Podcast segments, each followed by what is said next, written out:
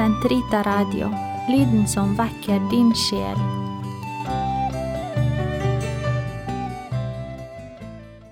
Den katolske kirkes katekisme, uke 12, fredag, paragraf 1886 til 1896. Omvendelse og samfunn. Samfunnet er uomgjengelig nødvendig for at mennesket skal kunne virkeliggjøre sitt kall. Med dette mål for øye må man respektere et rettmessig hierarki mellom ulike verdier som gjør at fysiske og instinktive sider underlegges de indre og åndelige. Samfunnslivet må først og fremst ses på som en åndelig virkelighet.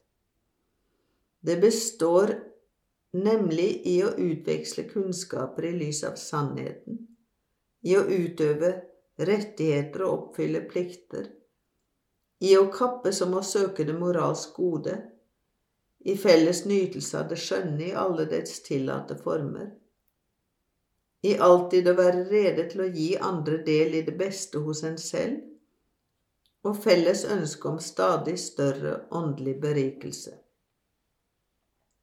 Dette er de verdier som bør besjele og være retningsgivende for kulturliv, økonomi, samfunnsorganisering, politiske bevegelser og regimer, lovgivning og alle andre uttrykk for samfunnslivet som er under kontinuerlig utvikling. Ombytting av mål og midler som fører til at noe som bare er et middel, blir et mål i seg selv, eller til at mennesker betraktes som rene midler med henblikk på et mål, avføder urettferdige strukturer som vanskeliggjør, ja, umuliggjør kristen livsførsel i samsvar med den guddommelige lovgivers bud. Det er under slike forhold man må benytte seg av enkeltmenneskets åndelige og moralske evner, og stadig på nytt kreve indre omvendelse for å oppnå samfunnsmessige forandringer som virkelig tjener til menneskets beste. Selv om hjertets omvendelse inntar førsteplassen, utelukker den langt fra.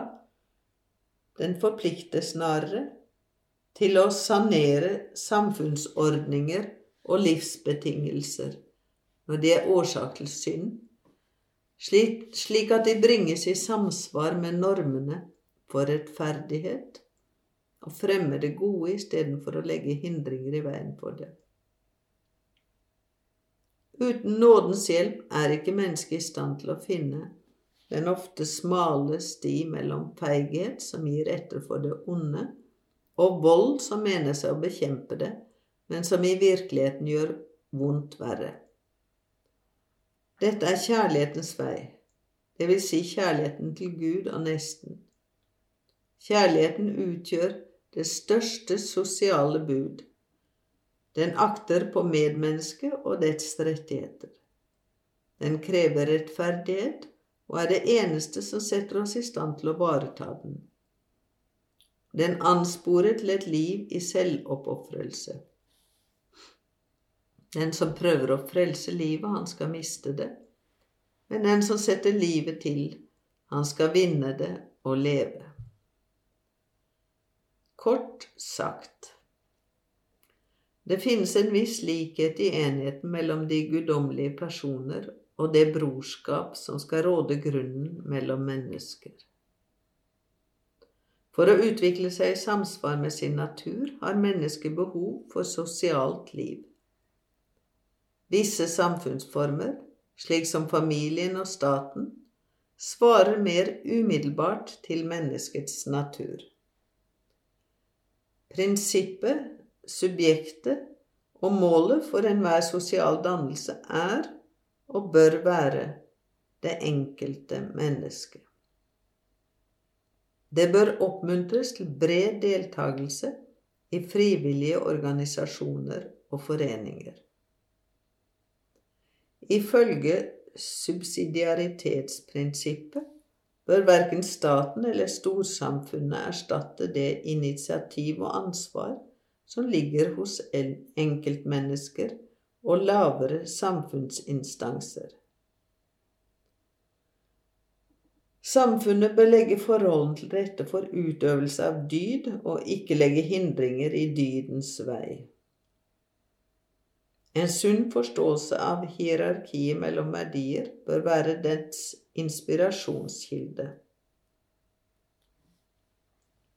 Der hvor synd vansirer samfunnslivet, må man oppfordre til hjertets omvendelse og påkalle Guds nåde.